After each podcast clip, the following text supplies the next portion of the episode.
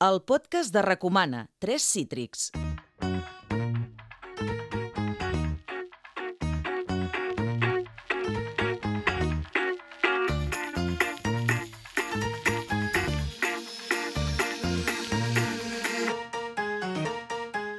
Benvinguts al podcast de Recomana, soc Crisol Tuà i avui tenim sessió de Tres Cítrics, on tres professionals de la crítica trien una obra de la cartellera per comentar-la. També tindrem el rànquing, la guillotina d'Enriqueta Martí l'opinió del públic del 3C.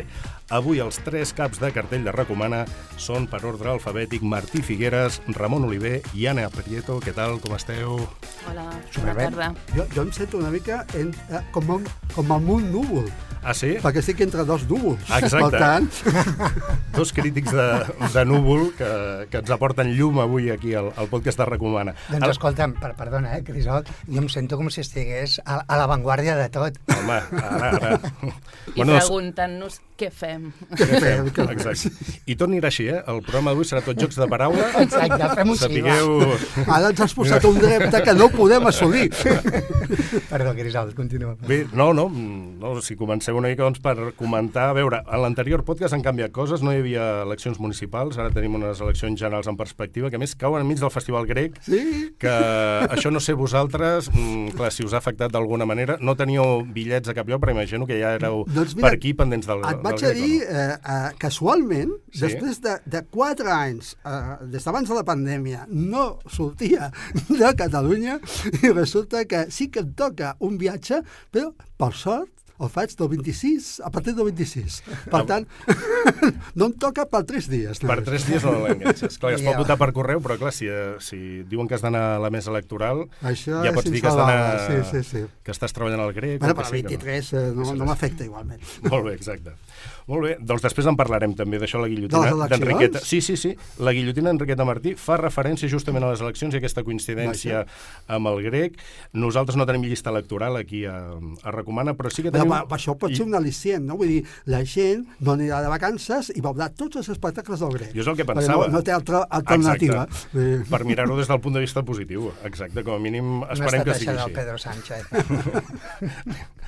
Ja li preguntarem al, al director del grec, que hem de, hem de parlar amb ell, el Francesc Casadesús, això si, si, si li si- sembla bé o no, si, si veu que, que li favoreix. Molt bé, doncs dèiem que no tenim llista electoral, però sí que tenim llista de recomanacions al nostre rànquing que surt de la mitjana de les puntuacions de les crítiques publicades a recomana.cat.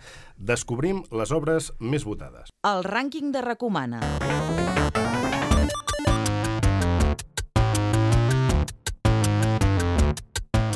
El número 3, empat entre les amistats perilloses al lliure i el joc de la veritat, al Teatre Gaudí, amb una puntuació mitjana d'un 7. Després parlarem de les amistats perilloses perquè és l'obra Ramon Oliver que has triat per comentar i del joc de la veritat de Miquel Morga tenim la crítica que fa Andreu Sotorra recomana on diu l'obra té un avantatge que controla el tempo sense intentar allargassar-se com un xiclet. Una comèdia boulevard no cal que amagui un gran factor sorpresa, els espectadors en tenen prou amb el ritme dels diàlegs o el factor embolic que ha afegit mòbil a les comèdies de situació actuals. Anem al número 2 del rànquing de Recomana. Aquí trobem un empat entre Sucia, el Teatre Acadèmia, Ivan i els gossos, a la Sala Fènix, amb una puntuació mitjana de 7,5. De Sucia en parlarem ara perquè és l'obra que ens comentarà el Martí Figueres. Pel que fa a Ivan i els gossos, de Hattie eh, Naylor, un monòleg a partir del cas d'un nen rus que als 4 anys s'escapa de casa per viure al carrer, un monòleg dirigit per Xavier Boada, interpretat per Pau Rosell. Fins l'11 de juny es pot veure a la Sala Fènix. La setmana passada el Jordi Bordes ens destacava el treball del Pau Rosell, de, del protagonista. Ramon, eh, tu que has vist l'obra, et va semblar que aquesta interpretació del Pau Rosell, doncs, cal destacar-la? Doncs és molt destacable i és curiós perquè aquesta obra, si, la, si recordeu, fa com 10 anys, 11 anys, va servir perquè Pol López, El Pol López, es situés com un actor emblemàtic. Sí, sí, sí. sí, Llavors, jo crec que es mereix Pau Rossell estar a la mateixa categoria, fa un treball esplèndid, excepcional. L'obra és bona, és un treball molt rigorós, que de fet bé, és una autora britànica, ara no recordo el seu nom, però eh, ha, tingut, ha, sigut molt representat. Hetty en- Naylor. Exacte. Ha estat molt representat també a Anglaterra, amb molt d'èxit, i és la història d'un nen que pot ser qualsevol nen en la situació actual o la situació de la Rússia de fa 20 anys, perquè de fet l'obra està ambientada a l'època de, de Boris... Eh, Sí, a mitjans dels 90, no? de Boris Yeltsin, el 96 o així. sí. Eh? Llavors, a banda de que el, el text està molt ben construït, realment l'obra, el muntatge es recolza amb una, una interpretació fantàstica d'ell. Doncs eh, ens apuntem a aquesta primera recomanació que ens fa eh, el Ramon, o fins l'11 de juny a la sala Fèlix, aquest Ivan i els gossos. I anem al número 1, aquí Ramon sí que posem redoble de tambors. per, per tenir una mica de- d'emoció.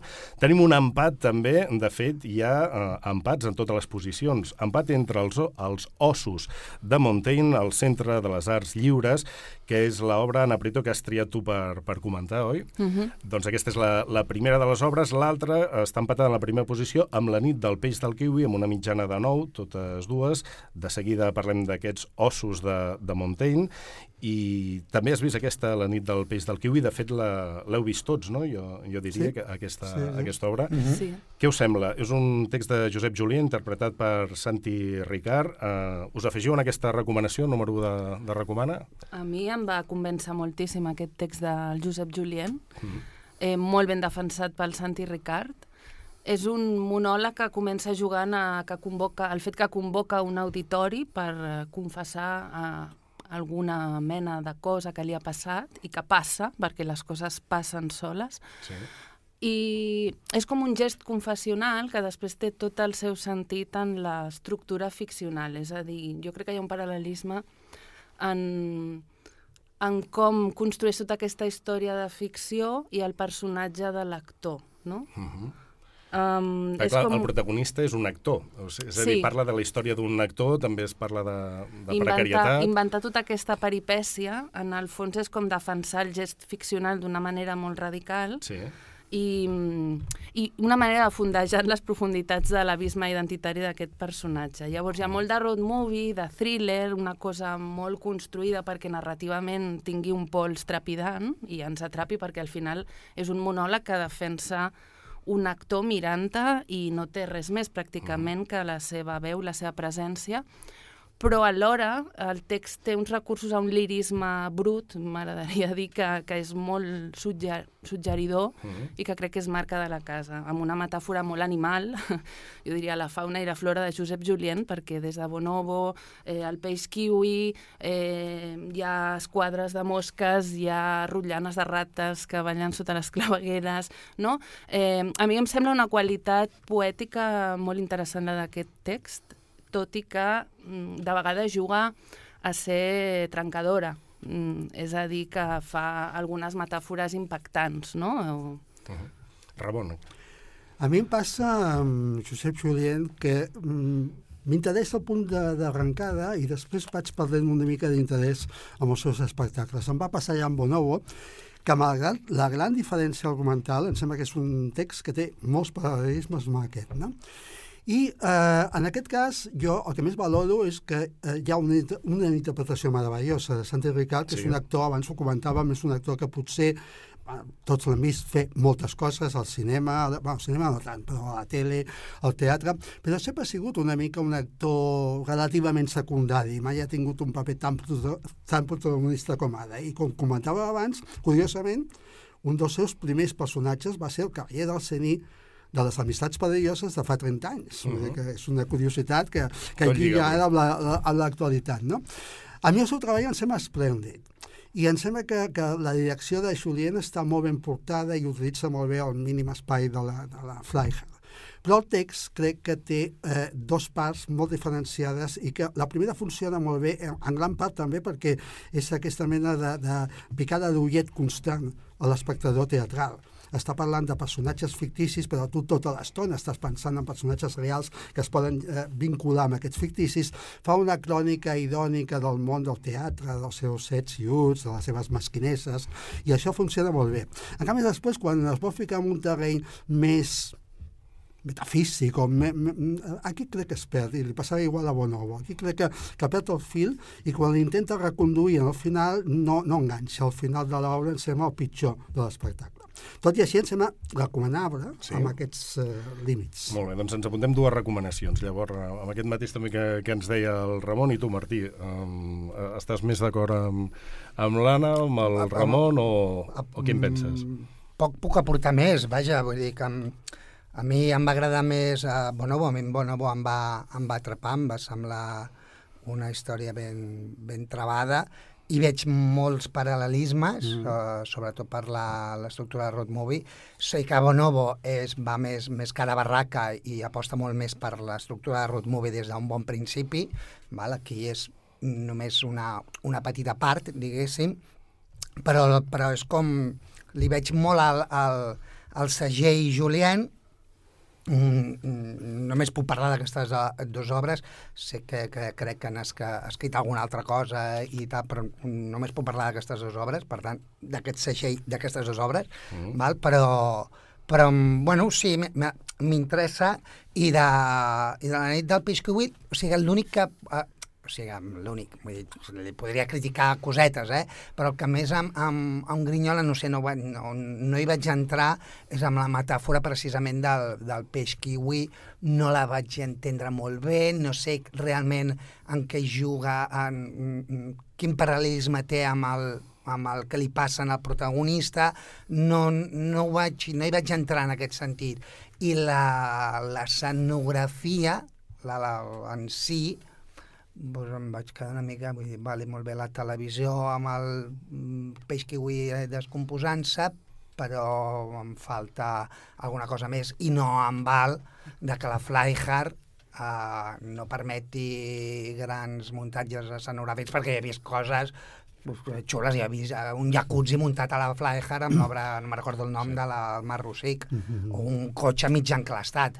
Ah, Té mèrit, eh? Té mèrit posar un cotxe i un jacuzzi a la, a la fleca. Per això, per això, per sí, això. Sí, sí, Sí, sí, sí.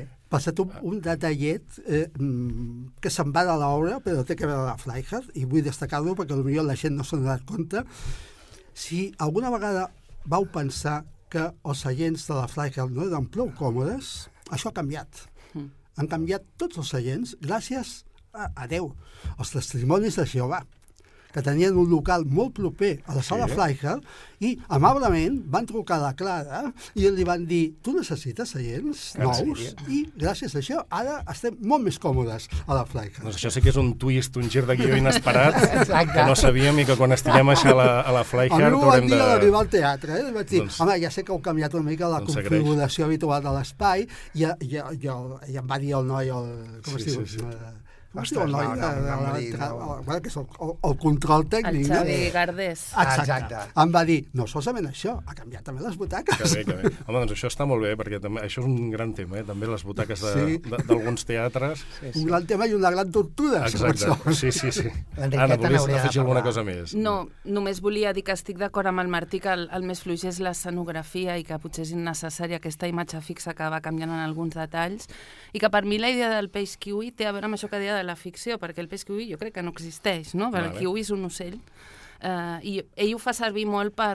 Sí que existeixen, eh? els Sí? peixos. Ho vaig buscar. Jo també vaig jo tampoc buscar. ho sabia. Ah, sí? I sí que existeixen els peixos Sí? kiwi. Sí, sí. D'acord. Doncs clar, per mi era com una barreja de peix i d'ocell i té molt a veure amb aquesta deriva totalment lisèrgica, no? Sí. gairebé, onírica, en què s'assumeix el personatge i que acaba... Bé, acaba d'alguna manera trobant-li una justícia poètica per bé que molt immoral no? a, la seva, a la seva vida, no? i això. Crec que està molt ben lligat i que aquesta metàfora la fa servir molt bé per, per cohesionar el text. I ja està, deixem-ho aquí, que si no... Doncs aquí està el número 1 de, de Recomana, com dèiem, aquest empat entre els ossos de Montaigne i la nit del peix kiwi, com- i el Ramon volia afegir alguna Ah, cosa clar, més. un spoiler. digues. Volia fer un spoiler. Ah, sí. Volia Ja. fer un spoiler d'un espectacle que el mes que ve, la, el proper programa... Segurament se- en parlarem, ah, no? segur, és que segur que en parleu, segur que surt. I, però bueno, eh, ja val Està la bé, pena està començar a dir-ho dir-ho perquè, clar, si no arribem tard, a vegades, com, com que és de tant en tant, quin, quin espectacle és? L'espectacle és el, el, el nou espectacle que estrena la Perla 29, que va estrenar ahir la nit, el nou espectacle dirigit per Oriol- Brossi, és l'obra de Gordoni... Eh, Galina. Eh? Coralina. Ara em sortia Carolina. Bueno, He tingut No. un latge d'aquell. Carolina surt a, a, a Surt a Sofia. Sofia. Sofia, Sí, exacte, aquest sí. és un altre. La M clara. Perdona, La M clara, el no? títol està lligat avui, eh? El títol original és La serventa amorosa, el nom li han posat com a afegit, i per mi és un espectacle modèlic, o sigui, és el retorn del millor que ha fet mai la Perla 29, Caram. que, que últimament es perdia una mica amb repeticions o amb accessos de, de vídeos que potser no venien a compte. Aquí és la simplicitat màxima, és la fusta, la cortineta, les llums i un grapat d'actors que està fantàstic, del primer a l'últim, tot i que jo he estat amb la, amb la Mireia Xalà, que fa un treball fantàstic, no?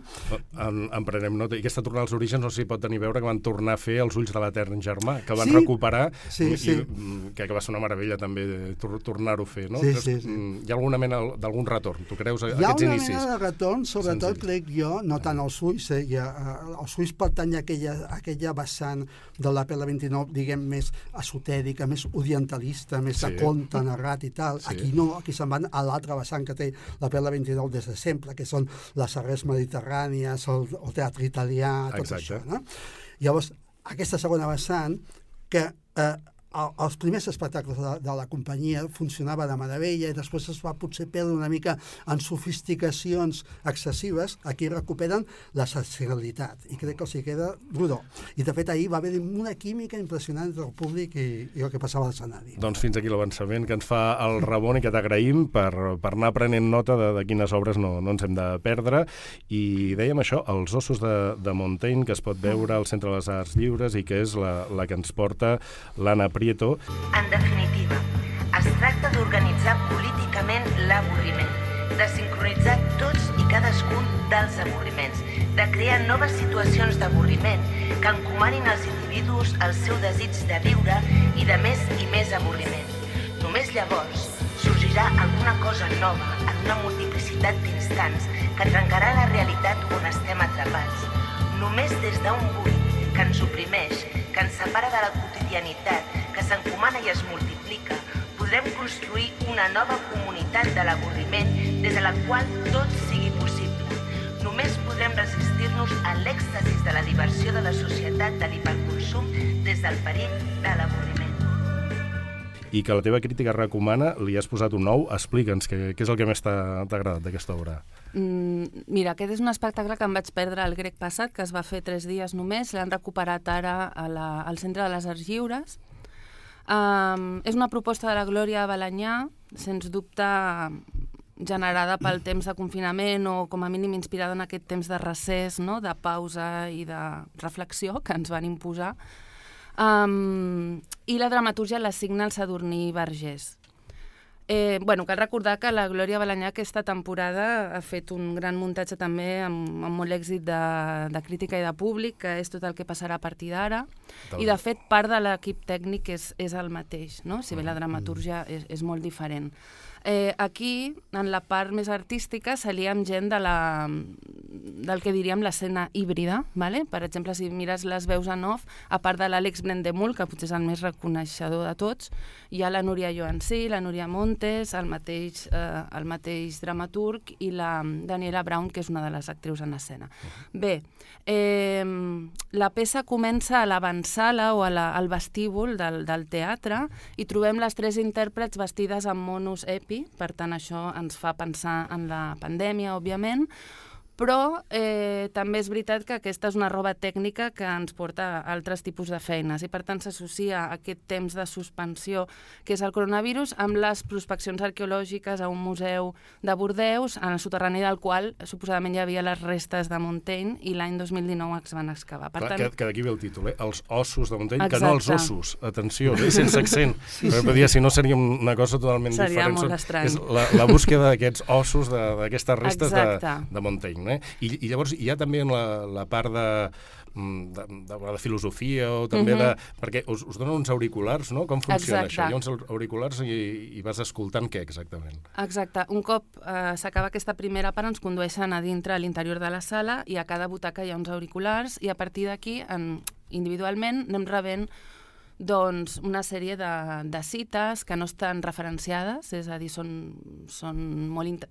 A veure, diguéssim que algunes són bastant reconeixibles, d'altres no, però és com una pluja, és com, com un conglomerat o com un mosaic de cites molt suggerents amb frases, entenc, de collita pròpia també del propi Sadurní Vergés, el, el, el dramaturg, i que com a fil conductor eh, tenen el silenci, eh, el temps de recés, de retir, de reflexió, el fet de parar, d'aturar-se, que connecta la idea aquesta de la pandèmia amb també l'obra de Montaigne, que es va retirar durant 10 anys de la seva vida per escriure els seus assajos, inaugurant així el gènere literari i les escriptures del jo en certa manera. Clar, aquí dius això, no? Que ara se'n parla, se'n parla tant i en parlem tant de l'escriptura del jo. Eh, Sí. Montaigne aquí va ser un... Molta Un gent de- el posa dels- com un dels eh, que comença a parlar en estar- primera persona. Per exemple, Perquè ell Philip- se'n va dos anys per escriure els seus assajos. 10 anys. Deu Ai, anys. de, dos anys, deu, deu anys. Diguéssim que va Deu fer un anys. retir interior al seu, a la seva, al seu castell Sí. i evidentment tenia una vida molt solucionada, no? es podia retirar.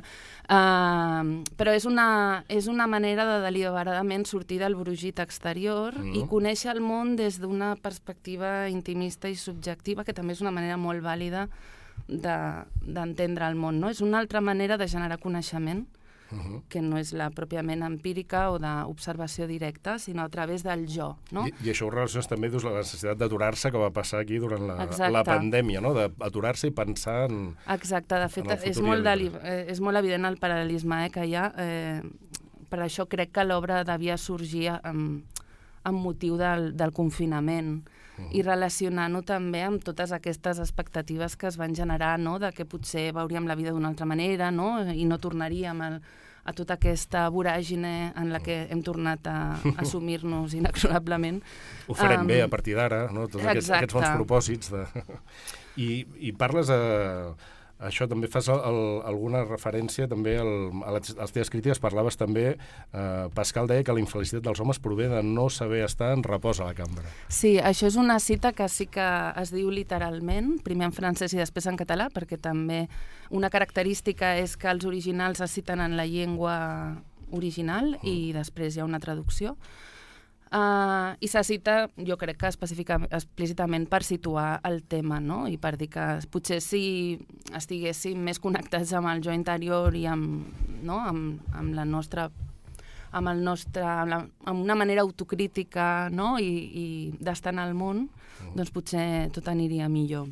Fantàstic, doncs ens quedem amb aquesta peça de Vergés i Balanyà, que mm, hem llegit que tu la defines també com estimulant pulcre exquisit sensorial, un elogi estimulant pulcre sensitiu i sensorial, de la lentitud també i, i de la pausa, ens quedem amb aquesta recomanació. I alguna una coseta, coseta, més. sí, de- perquè només hem parlat de les cites filosòfiques, però el que és molt important és que en escena hi ha tres intèrprets que després de treure els monosepi es posen uns vestits eh, que evoquen bueno, el renaixement, en certa manera, i que s'entreguen a una dansa doncs, molt elegant, molt lenta, de vegades els cossos col·lapsen, cauen, s'abracen, eh, hi ha com una desarticulació també, i és el que passa quan, bueno, quan tu reflexiones i quan t'atreveixes a, a mirar dins i, i doncs això, a pensar de veritat, no? I hi ha imatges molt suggestives, com, la, com una armadura que es reparteixen entre totes dues, no? Eh, una armadura realment de ferro i després vegetal, amb fulles de-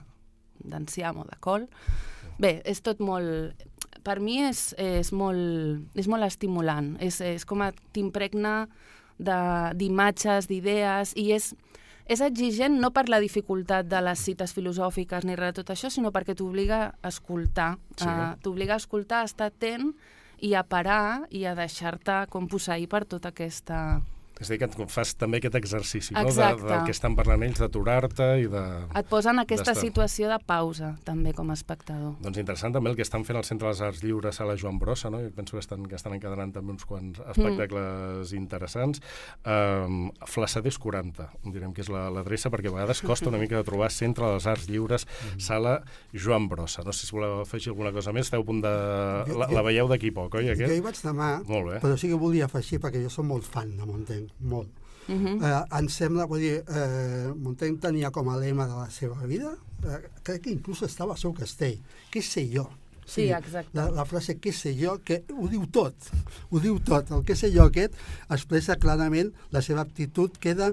Jo no plantejo res, no tinc cap pretensió, eh, eh, només vull deixar anar coses, deixar anar reflexions i paraules, i això li dona una modernitat absoluta. No hi ha pretensió i alhora hi ha una mena d'escepticisme ben controlat. Eh, com tu deies, Montaigne era un home que no tenia necessitats eh, econòmiques, però alhora curiosament li va tocar, malgrat que ell volia retirar-se de la vida i del món d'alguna manera, li va tocar assumir compromisos que, que potser no hagués volgut assumir. Per exemple, ell com a catòlic va tenir que, que comprometre's amb el catolicisme quan en realitat volia establir també eh, una distància amb ell. Uh -huh. Llavors jo això ho dic més que res per animar a la gent a llegir Montaigne perquè és una lectura molt divertida, molt amena i molt contemporània, sense cap eh, íptul que, que, que et porti a creure que parla algú pretensiós, que et vol ficar idees preconcebudes de, de, de Monteu. Al contrari, l'únic que t'està dient és pensa per tu mateix perquè no saps res i jo tampoc sé res. Uh -huh. Aquests assajos, sí, sí, que són llibre de capçalero, no? Aquests sí. assajos de, de, uh -huh. de Montaigne.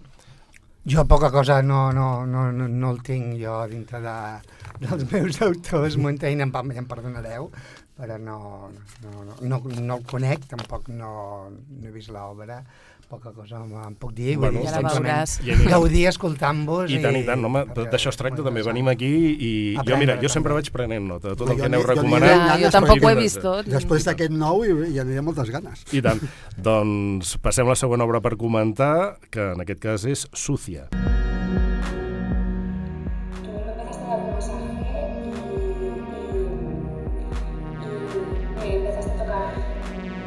Sucia.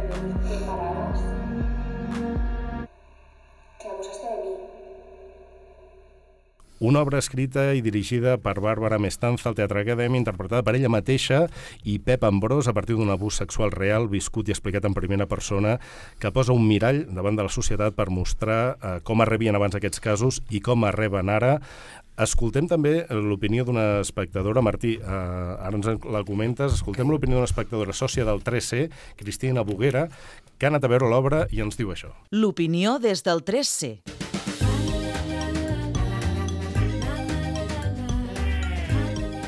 Recomano molt veure l'obra de teatre Súcia.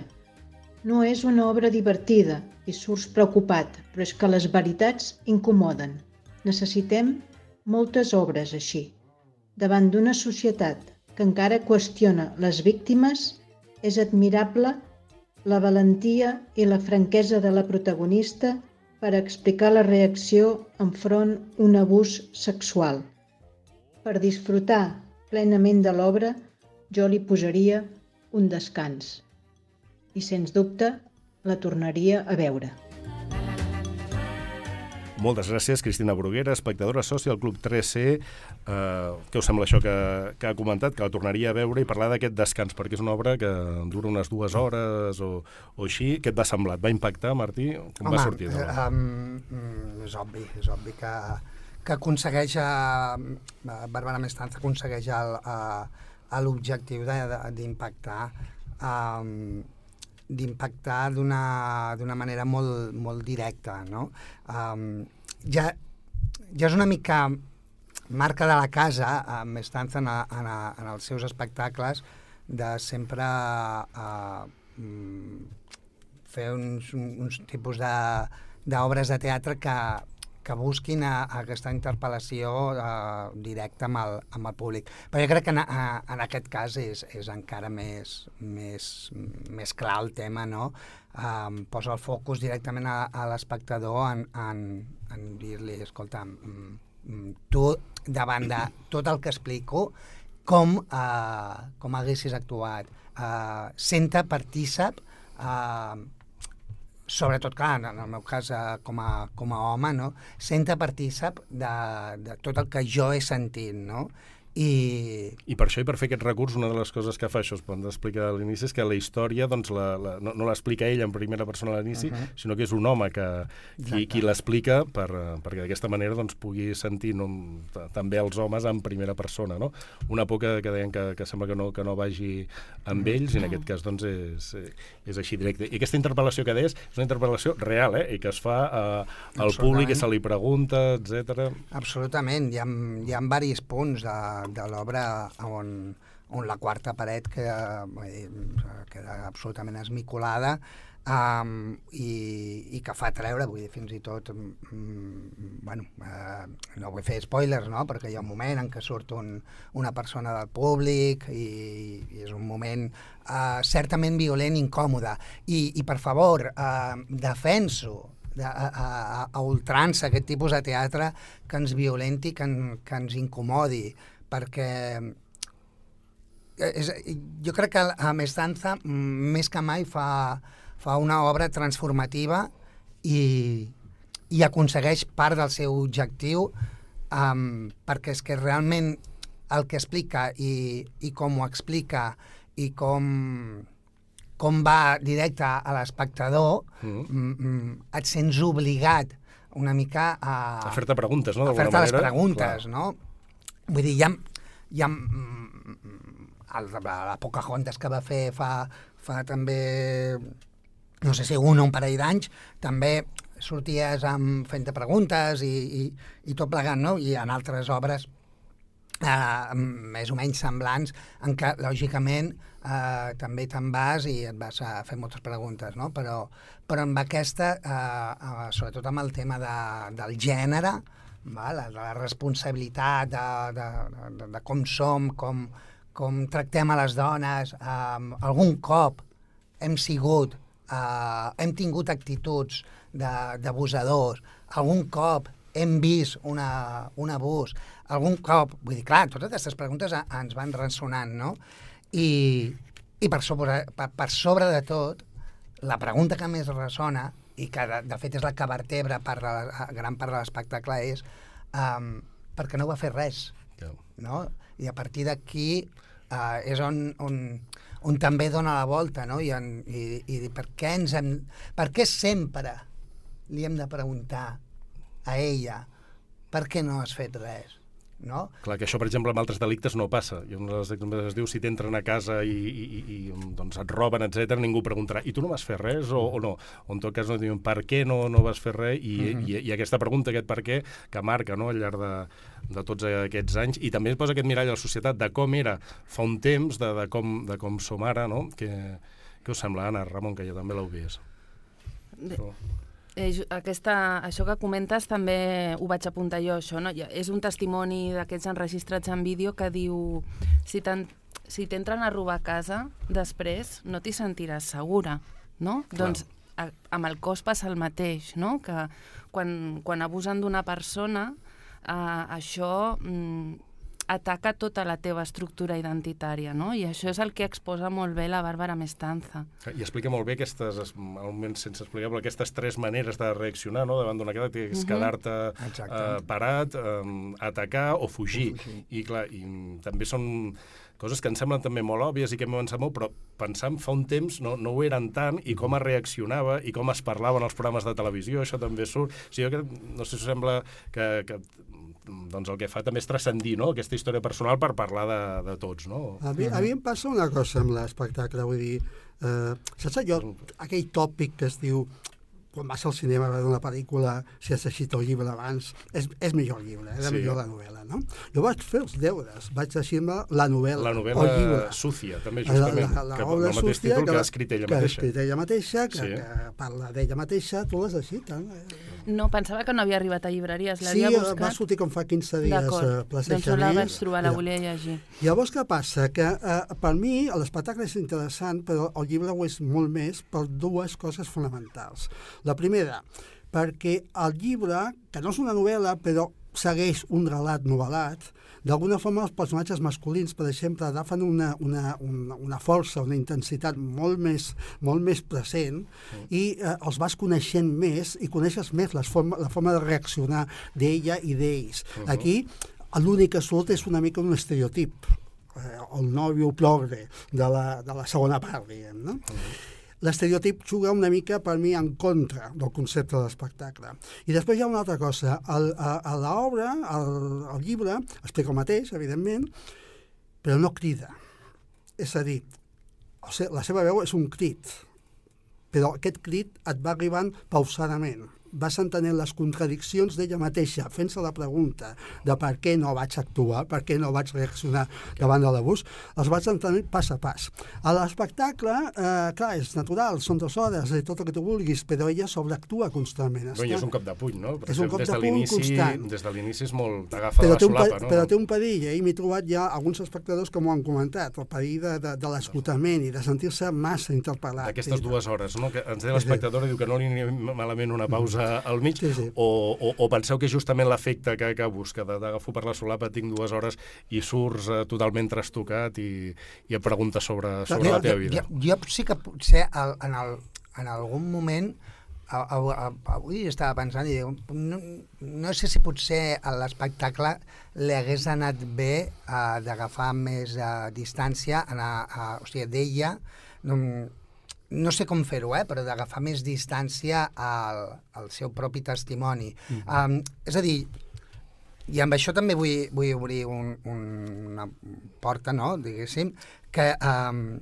a, a nivell interpretatiu, uh, jo crec que Bàrbara Mestanza tampoc no sé si, no, no, no, sé, no, no, no m'atreviria a dir si està sobreactuada o no, val? però, però clar, és, és tan testimoni viu que al final eh, veus que és, és ella, vull dir, que, que està explicant la seva història, vale? contra potser, a veure, amb una ficció i, i, i, i amb una artificiositat i tot plegat, eh? però, però com, que te l'explica com si te la pogués explicar, amb altres paraules, a, a la terrassa del bar. Mm val? Um, I amb això què vull dir? Vull dir, si comparo amb la feina que fa el Pep Ambrós, que a mi em, em fascina, a mi m'agrada molt, mm -hmm. i, i és un actor que, que crec que és un molt bon actor, les coses que l'he vist sempre m'ha- m'han agradat i m'han interessat, val? jo crec que, clar, el, el Pep fa eh, varis personatges i interpretar aquests personatges des de pues, un, un estereotip o una conya o eh, també des de la, la, Uh, transformació o des de voler uh, ara estic fent d'aquesta dona que, que, que està abusada i tal i qual, no? Però ella no recorre aquest camí perquè és el seu propi testimoni viu. Llavors, per S'ha fet mi... de tu mateix, eh, s- s- hi, ha, hi ha el punt aquest de clar, jo, jo, Clar. Tinc que dius, dir tu una- ets tu, no? Ja està. No? Tinc que dir una cosa, tu, tu a més van coincidir el mateix dia, veient Sí. l'espectacle, i no sé si et vaig fixar que tenia, vaig eh, trobar-me amb uns amics meus. Sí. Un d'aquests amics eh, es dedica professionalment, uh -huh. eh, entre altres coses, al tema de, de violacions i d'abusos sexuals. No? Estava emprenyadíssim, uh -huh. emprenyadíssim. Va dir, això no m'ho puc creure de cap de les maneres. Jo passo, cada dia, em passo el dia veient víctimes. Les víctimes no poden reaccionar mai així. Eh, això és pur teatre inventat. Jo, eh, des del meu punt de vista, el- l'intentava convèncer del contrari, no és això, no és això. Però el problema és que et provoqui aquest efecte. És a dir, que una persona que està acostumada a tractar això et digui realment la sobreactuació està actuant en contra de l'efecte, com tu dius, el que fa Ambrós sí que t'arriba perquè marca aquesta distància. El llibre sí que t'arriba, perquè veus el procés mental que ella es va construint pàgina a pàgina. Veus com potser en 50 pàgines s'oblida del tema, saps que està present, però s'oblida del tema i després torna amb ell. En canvi, a l'escenari és constant, l'agressió és constant, llavors d'alguna manera limita l'efecte en aquest sentit. Jo he dit que no, eh? que a mi sí que em va arribar totalment i el... Anna, no sé tu si... Jo no trobo que estigui sobreactuada, el que passa és que juga un paper diferent al del Pep Ambrós. El Pep Ambrós està com instrumentalitzat com un actor pròpiament dit que fa molts registres i fa diferents personatges. En canvi, ella, tot i que fa pot, evidentment actua, no és 100% ella, sí que es posa a la taula de dissecció en certa manera i exposa coses molt personals. Crec que, és, com deia el Martí, és una marca de la casa, no? que, eh, el fet de sobreexposar-se tant i explotar vivències pròpies, ho ha fet en altres espectacles Però també. fixa que, per exemple, el millor espectacle, penso jo, que ha fet Mm. ella, des del meu punt de vista, és aquell que es deia La mujer más fea del mundo, Sí? Que el feia 50% amb una actriu que havien treballat les dues juntes al text i que a, a, a marcar la distància, al trobar-se algú que fes de, de, de veu seva, arribava a una intensitat que aquí, al Segurament, contrari, sí, li sí. manca. Segurament. Pot ser, pot ser. Jo trobo un exercici molt honest. Eh, potser sí. Sí. que es podria retallar una miqueta temporalment, però és veritat que està molt construït perquè no només... De fet, estem parlant molt d'ella, però la primera part de l'espectacle està tota l'estona el Pep Ambrós en escena, assumint eh, un llenguatge femení amb un cos masculí, Uh, i expressant una fragilitat uh, que sobta de veure en un home i, i que jo crec que, que crea un impacte també en l'espectador. Hi ha testimonis uh, enregistrats, uh, alguns, bueno, evidentment especialistes, no? com, uh, bueno, com periodistes, jutgesses, Però, eh, eh, psicòlegs... jo tinc o sigui a dir Hi ha que- diferents eh, capes, no és només el testimoni de la víctima, sinó que hi ha diferents capes en aquest muntatge. A mi, que, a veure, que quedi clar, que em sembla un espectacle bo, interessant i tal, però a mi justament aquesta part documental em sembla que és excessiva. A mi Ja. també. Eh, jo crec que justament cert que- eh, fa que baixi la, la potència dramàtica del que t'està anant. Alenteix el I ritme. l'altre és molt convencional. I potser Puc ficar 50 innecessari. eh, documents més, però ja, ja els sé, aquests documents, no em calen. És veritat que això no és gaire novedós, perquè aquests testimonis els veiem molt sovint, vull dir que coneixem bé aquestes especialistes que parlaven i les hem vist parlar en altres llocs, i potser eh, aquí no caldria tant. Però ho deia en el sentit que no només no, hi ha aquesta part del testimoni en primera persona i de l'actor que, li, que li fa el relat, sinó que hi ha més capes, no? I hi ha diferents personatges, també. Doncs una obra que, sens dubte, segurament va més enllà del, del fet teatral, a vegades, no? quan jutgem també Mm. quan, des del punt de vista teatral, sinó que el, el, el missatge que, que envia, i també llegi algun lloc que, que quan es va estrenar, es va estrenar que fa dos anys, i també es pot veure l'evolució que hi ha hagut potser a vegades amb, amb, amb aquests dos anys, de com estan canviant també i com, com cada cop som més, més conscients no? de, de segons quins temes. Ens quedem amb aquesta recomanació també de Sucia, i per acabar, Ramon Oliver vol parlar de les amistats perilloses en la versió que ha dirigit Carol López del llibre de Montjuïc, amb Mònica López i Gonzalo Conill de protagonistes. Ningú no m'ha vist mai desviar-me de les regles que m'he prescrit i faltar als meus principis.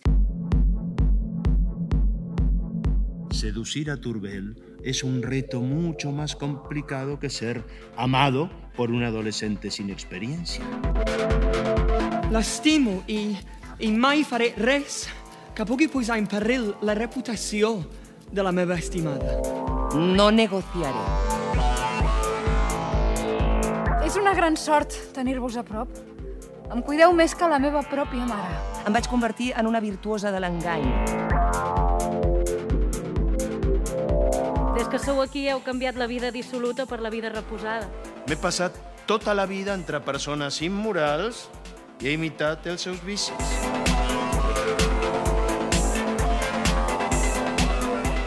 Una amistat perillosa entre la vostra filla i Danceny. No. Eh, Es tracta d'una relació alumne-mestre. No hi ha res més. No us tornarem a rebre en aquesta casa. La meva tia preferida. Nebot.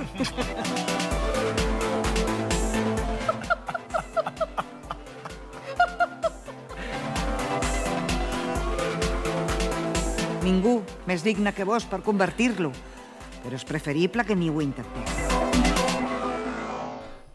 Ramon, explica'ns, què t'ha semblat les amistats perilloses?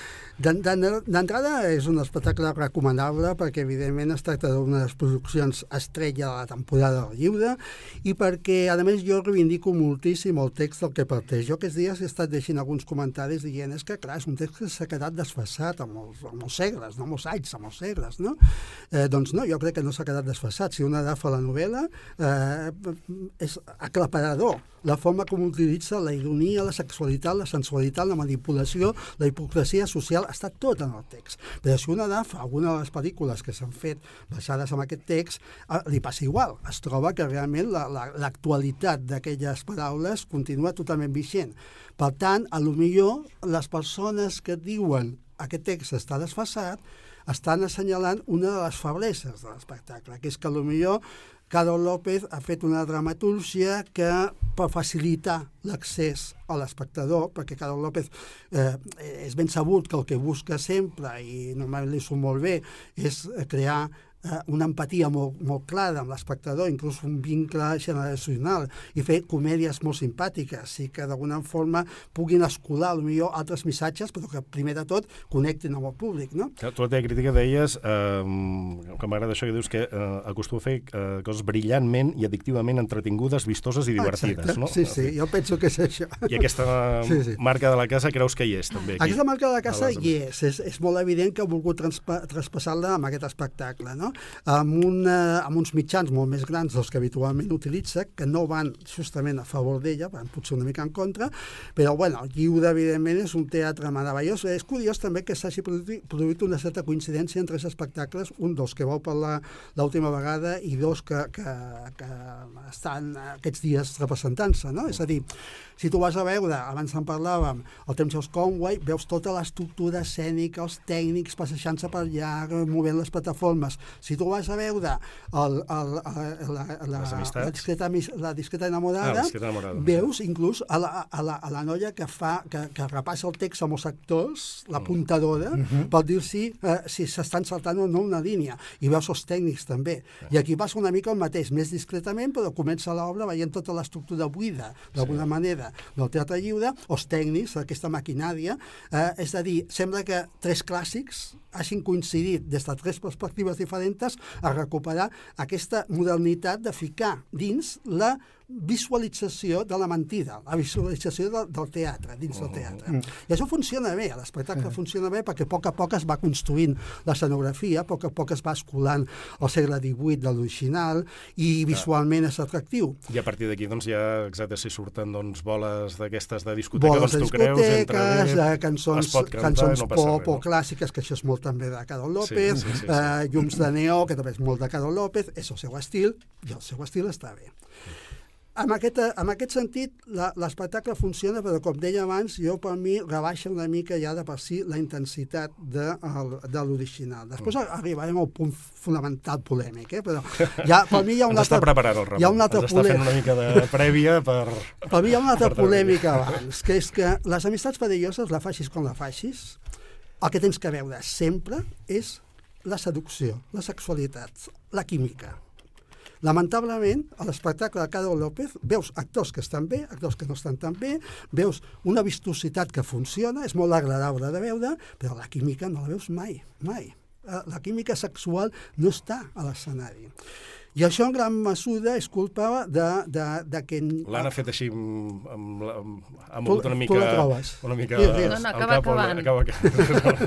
Després ho comentarem. No, per, De- per de- una- després sortim nosaltres. Jo crec que esteu, esteu tots d'acord amb Mònica López, això sí, no? Estem que fa tots d'acord. eh? molt bon Mònica. López, I, sí. o no? i vull assenyalar, i tu, tu que has llegit la crítica ta- també potser ho, ho tens aquí anotat, que és curiós, per mi és curiós perquè eh, fa uns anys, quan el Lliure va celebrar el seu 40 aniversari, la idea va ser recuperar un muntatge clàssic de la companyia, que era Les bodes de Fígado, Les vols, sí. eh? que és una obra que està eh, eh, escrita i ambientada justament a la mateixa època. És una obra que anuncia també, mirat des d'un punt de vista de les classes eh, eh, no altes, sinó aristocràtiques de, de, de, de la França del moment, aquell punt en que estan a punt de caure molts caps a la guillotina. No? Falten 5 o 6 anys perquè això passi. Beaumarchais era, a més, va ser un revolucionari, en aquest sentit eh, el, el contingut latent ja es movia per allà. Llavors la, la, la Mònica estava allà interpretant sí. a, la, a, la, a la duquesa d'Almaviva, Uh -huh. que és una dona enganyada perpètuament pel seu marit, que hagués sigut una mena de Balmont. El seu marit eh, sedueix o intenta seduir a tothom que passi pel davant, no? I ella, en canvi, és la dona fidel que monta una xerrada aparentment infidel per tornar-lo un xampà amb ell. Però ja estan allà. I està explicada la història des del punt de vista també dels criats, de la classe subalterna. I ara veiem una Mònica López totalment Ara diferent. veiem una Mònica López ficada a l'altre no? paper.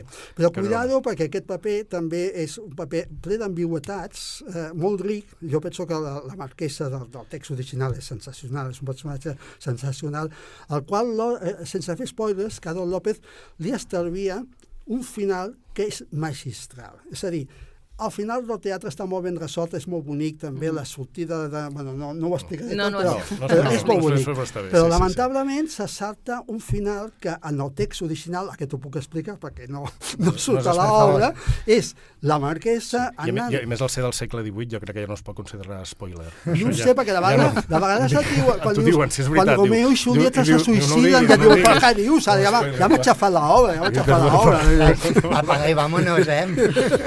doncs, al final de la- de l'obra original i, de fet, de totes les adaptacions cinematogràfiques que s'han fet, és la marquesa eh, té la cara totalment marcada per la varola, és a dir, el seu físic ja ha quedat trencat, assisteix a una representació d'òpera, Llavors, tot el teatre d'òpera, que com sabem, al segle XVIII la gent no anava a l'òpera, a escoltar òpera, sinó només a mirar a, la, a les llotges i a veure què passava allà, tota l'assenyala i l'exclou que és una idea que, a més, Carol López reflecteix en el text de presentació. És a dir, eh, Carol López diu molt atinadament, a mi el que més m'agrada de l'obra és veure com la societat de cop condena allò mateix que es permet, que s'autopermet, no? Aquest xoc. La, la, la, la idea de estem aquí condenant hipòcritament l'actuació que nosaltres fem. I a la, al llarg de l'obra vas veient com personatges teòricament molt morals, molt moralistes, en realitat havien sigut abans molt llicenciosos. No? Uh -huh. Llavors, clar, la Caro jo crec que ha tret aquest, aquest final perquè és com marcar eh, a una dona uh -huh. que a més ha fet una proclama de feminisme, perquè la, la, la marquesa hi ha un moment molt clar que diu eh, jo lluito perquè el meu sexe reivindiqui els seus drets. I l'única forma que tinc de reivindicar-ho, les paraules no són exactes, és la seducció. És a dir, sí, sí. Eh, no tinc un altre instrument, jo s'hi diu a les, a les altres noies, no? les que utilitza també ella. O sigui, o Sí, sigui ve a sí, dir de- una mica podeu el fer el mateix. que vulgueu, d'alguna manera, Tu et podeu veuràs obligada, potser, Sí, que sí. salta amb qui no vols.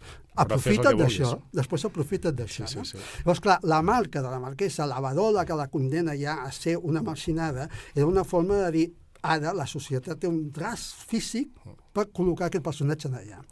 I és més potent que, que, que el que fa Carol López. Tu. Però, perdona, per acabar, el, el, el que falla realment és el nostre seductor Belmont. Mm. Gonzalo Conill no pot transmetre en cap moment la química que necessitaria el personatge. Bé, després de a- aquesta intervenció, no, eh, dir que a mi em, tinc la sensació que està molt basada en la pel·lícula de, de Stephen Frears, eh, que- és un espectacle molt construït a partir del hit que ja tenim, no?, que com a espectadors d'aquella pel·lícula mm, Però amb una diferència bàsica, perquè eh, la pel·lícula es basa en una obra de, teatre de Christopher Hampton, Sí. que va ser un èxit Tens brutal, raó. que és, per exemple, el muntatge que va fer Pilar Miró Condal fa 30 anys, es basava en allò, i en canvi ella ha prescindit totalment d'aquest text. Totalment, ha, de fa- ha tornat a agafar les cartes i originals i l'ha comentar-les. i encara l'ha reduït més eh, encara l'ha reduït una mica més han anat a, als mimbres, diguéssim, als límits bàsics, no?, perquè entenguem quina és la trama de seducció i de relacions creuades Eh, bueno, a mi el que m'interessa és que és un artefacte com molt autoconscient des del principi, no? que tots els personatges frontalment et diuen hem vingut del passat a explicar-vos una història. Això és una cosa que, a, al que, a la que ella juga i que també t'atrapa, és el que deia el Ramon, que això sap fer molt bé la Carol López. D'actualitzar i de portar-ho avui en dia, de dius, t'estem parlant a, a tu, I no? de- i de Aquesta ja- ficció mm, és, és ficció. I de fer sobre- que connectis amb això perquè ja t'ho està dient i... Està, unes- L'humor també, no? hi, ha, Sí, hi ha molts moments d'humor l'humor. també, que això és marca de la casa seu i que... Estic d'acord que... Però cal tenir en compte que, que el text original, l'humor està, eh, també. No, Sí. no, no és un No, invent de la tant, tant. No, no, no. No, però com a solucions, no? A vegades Sí. solucions d'escena sí que hi ha, Sí, hi ha, hi ha aquests, aquests guinyos. De, I l'ús de l'anacronisme, que Sí. és, és, molt, és molt recreatiu, molt enginyós, molt conscient. M'agrada això de les boles de discoteca entremig de les làmpades d'aranya aquestes. Eh, trobo que, bueno, Iggy Pop per allà també cantant. Um, estic d'acord amb el Ramon que el Gonzalo Cunill, que per mi és un actor magnífic, magnífic, que admiro absolutament, no només en performance, sinó també en teatre de text, perquè jo, per exemple, recordo aquell King que va fer amb la, amb la Mhm. Carlota Subirós i moltes altres coses. Aquí, potser el problema és que no amplifica del tot tota aquesta, tota aquesta maldat o aquest, mm, aquesta manipulació. Així com hi ha actrius que sí que amplifiquen molt, per exemple, l'Helena Terrats, està esplèndida, no? Perquè Ujú. veus tota la seva turbació, tot el descobriment Sí, del sí, sí. desig. La Mima Riera, quan es trenca finalment com a Turbel, Uh, la Valle... eh, bueno, a, a mi em va, em va commocionar aquella composició, no? Veus que s'està que s'està desmuntant El i que... que fa, no? El- el sí, moment del- exacte, que està embogint, no? Sí, està sí, sí. embogint i s'està extingint ja, pràcticament.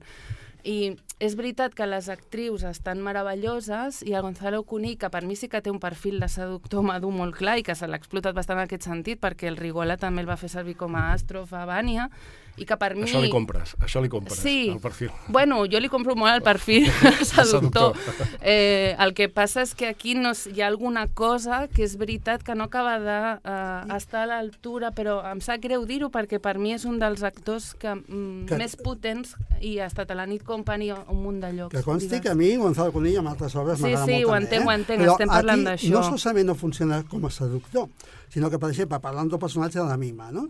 ella sí veus com es trenca, el que tu Mm, deies, mm. però en canvi tu no veus en cap moment l'enamorament de Belmont que hauries de veure Això i sí. que el porta inclús a aquella mena de suïcidi. Ai, ara sí que he fet un spoiler, no? eh, és a dir, eh, si no fos perquè t'està dient estic enamorat, mentre nega que està enamorat, perquè la marquesa li diu estàs enamorat, no, no, no, no, però tu hauries de veure que està enamorat, hauries d'entendre que està enamorat en les seves actituds, i no ho veus, no ho veus. Està molt No contingut, veus. eh? trobo que Sí. està... Poc, poc, hi ha poca amplificació, és el que deia, no? En canvi, les actrius eh, juguen més aquest, aquest rol.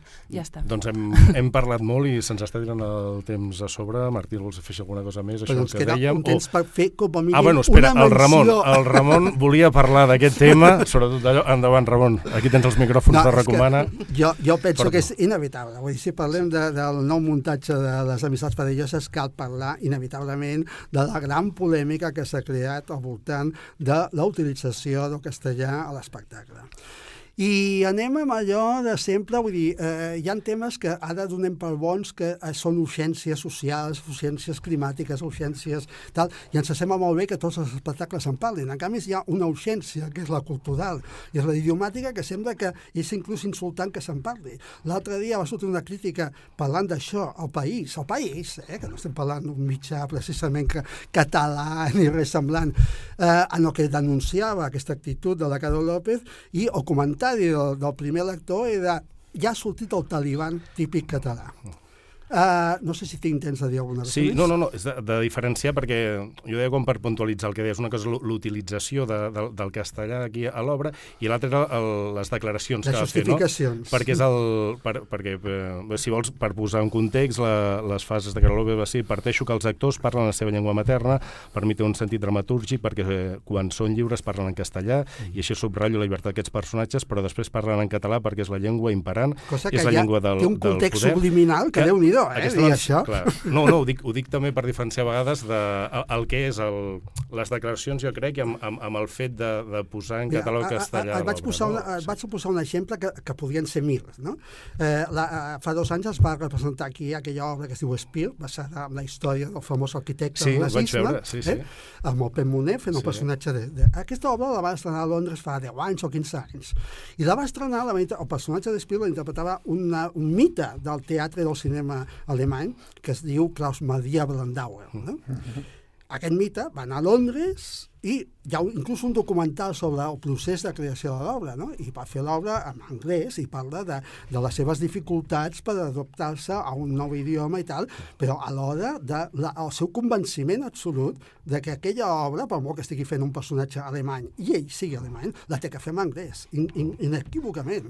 Et podria passar ara el, el cas de Josep Binot, et podria passar mil casos més. O sigui, que una directora et digui, utilitzant aquest argument, que és justificable eh, que la dramatúrgia depèn de com de còmode o no còmode se senti un actor en la seva llengua materna o a la llengua que té... Això significa realment alterar totalment el concepte dramatúrgic. Doncs Ramon, tu hagués volgut això, que el Gonzalo Conill ho hagués fet tot en castellà. En Perdona, cas, no? perdona, O- però Gonzalo Conill fa... En vint- català, perdona, Fa en 20 català, no? anys, Sí, fa sí. 20 anys va fer una obra de teatre Sí, sí, sí, no, no. dirigida per Carlota Subidors, que era molt bona, que es deia L'oficiant del dol, Sí, sí, que no la sí. va veure gairebé ningú, perquè era un espectacle molt minutari, i l'estava fent en català, fa 20 anys. Perquè allò que semblava normal, jo no vaig així en cap lloc que s'hagués queixat eh, Gonzalo de- d'haver-ho fet en català. I a més, fixa't tu que parla dels dos protagonistes. Eh, Mònica López, si es plau, per molt que hagi nascut a Canàries, és un actiu que ha fet tota la seva carrera a Catalunya i ha fet tot el seu treball, pràcticament un 90% en català dir que ara li estàs donant un espai de llibertat que fins ara li havíem eh, segrestat, em sembla terrible. I d'altra banda, d'altra banda, hi ha una altra cosa que és, eh, si tu vols, logístic. Si tu anuncies eh, un any abans al web d'un teatre espectacle en català i estàs venent entrades tot l'any dient espectacle en català, no pots dir el dia abans de l'estrena que canvies l'idioma perquè això és una manca de respecte a l'espectador. I això ja no té res a veure amb Càdol, sinó en la direcció del teatre.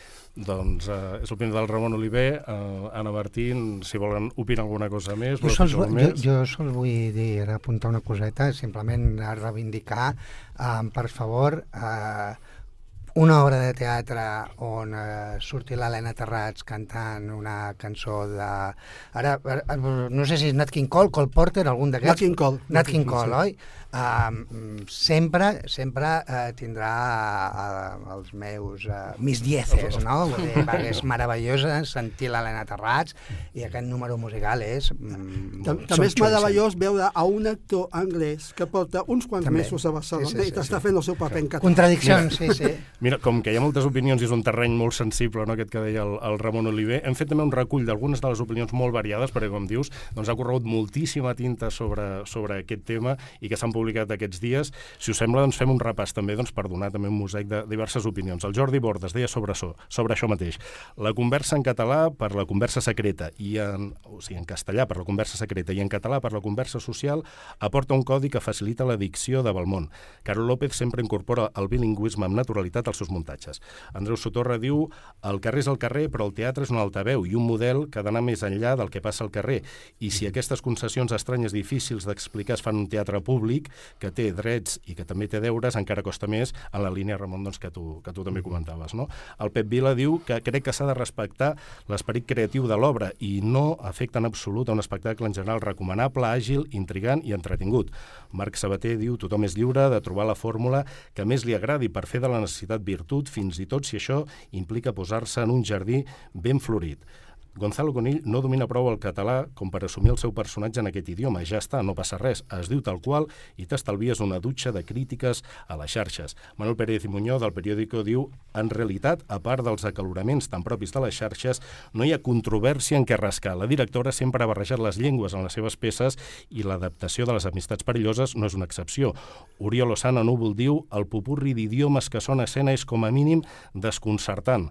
I Andreu Gomila, al Temps de les Arts, diu si Carol López hagués dit simplement que Gonzalo Conill era imprescindible per al paper i que per mort d'això hi havia algunes escenes en castellà, aquí s'hauria acabat la discussió. Res a dir. L'embolic apareix quan esmenta la llengua materna, la llibertat i el poder. Calia fer-ho? Doncs no. Doncs moltes opinions, molt diverses... I una puntualització... I el Ramon encara en farà un, no, un últim. Dir, dies. Amb altres espectacles, Carol sí. López ha, bagaixat, sempre ho ha fet tota la vida, ha bagaixat idiomes. Però sí. en aquells casos estava teòricament justificat perquè eren personatges amb un origen o una llengua materna diferent. Aquí tots els personatges tenen la mateixa llengua materna, que és el francès. -huh. La fem en francès, si vols, però...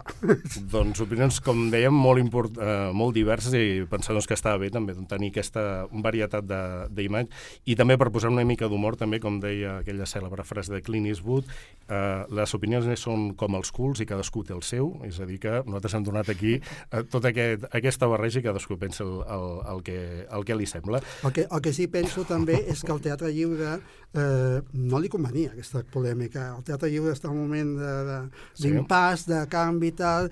El teatre lliure, d'altra banda, si et mires la programació d'enguany, eh, la meitat de les obres, o més de la meitat, s'ha fet en castellà, per tant no és cap eh, discriminació cap al castellà la que hi ha. Sí. I llavors entrar en aquest jardí, com diu algú, em sembla que eh, és un suïcidi. Doncs, doncs queda clara l'opinió. Eh, dit això, un moment per escoltar la guillotina, la columna d'opinió també de l'Enriqueta Martí, un personatge en aquest món doncs, satíric que avui ens comenta això. La guillotina d'Enriqueta Martí. Avui tinc ganes de guillotinar a tothom, perquè me n'han fet una que ja passa de taca d'oli. Una cosa és intentar escollir dos seients de costat quan compres des del mòbil les entrades dels grans espectacles d'aquest estiu. I a més al metro, perquè si et despista ja han volat. L'altre és sacrificar un ronyó per pagar-li també l'entrada al partener, perquè una fa mal, però dues... però ara, a sobre, aquest juliol no em deixen tranquil·la ni per esmolar la guillotina al meu piset del Raval. Què m'expliques que el país cau a trossos? A mi que em contraprogramis amb unes eleccions al Congrés al Festival Grec sí que em deixa trossos. Enriqueta Martí, afectada per la contraprogramació del grec, per la campanya convocatòria electoral i també, com deia Ramon al principi, ho podem veure pel cantó positiu, que si hi ha més gent que posposa les vacances pel grec, potser els teatres estaran més plens per aquells dies, doncs tant de bo. Anna Preto, Martí Fiera, Ramon Oliver, doncs avui intensa, eh? la sessió que hem, que hem tingut de, de Recomana. Hem, bueno, estem mirant aquí el temps, jo crec que... Eh, sí, passat, sí, ens hem passat, fet, ja? Ens hem passat, jo crec bastant. Que, jo crec que us donem el rècord, eh? us donem el rècord de, de més estona. No, moltes gràcies a tots per participar en aquest gràcies. podcast no de Cítrics. No I us llegim, com sempre, a recomana.cat. Fins la propera. Gràcies també a l'Oriol Casas, a l'Elisa Díaz, que s'encarreguen de la part tècnica, muntatge i xarxes. Que vagi molt bé. Gràcies, gràcies. a tots. Adéu. Per cert, recomanem que entreu a recomana.cat, on a part de les crítiques també s'anuncien les postfuncions de Recomana, Salut, Teatre i Cultura i fins la propera.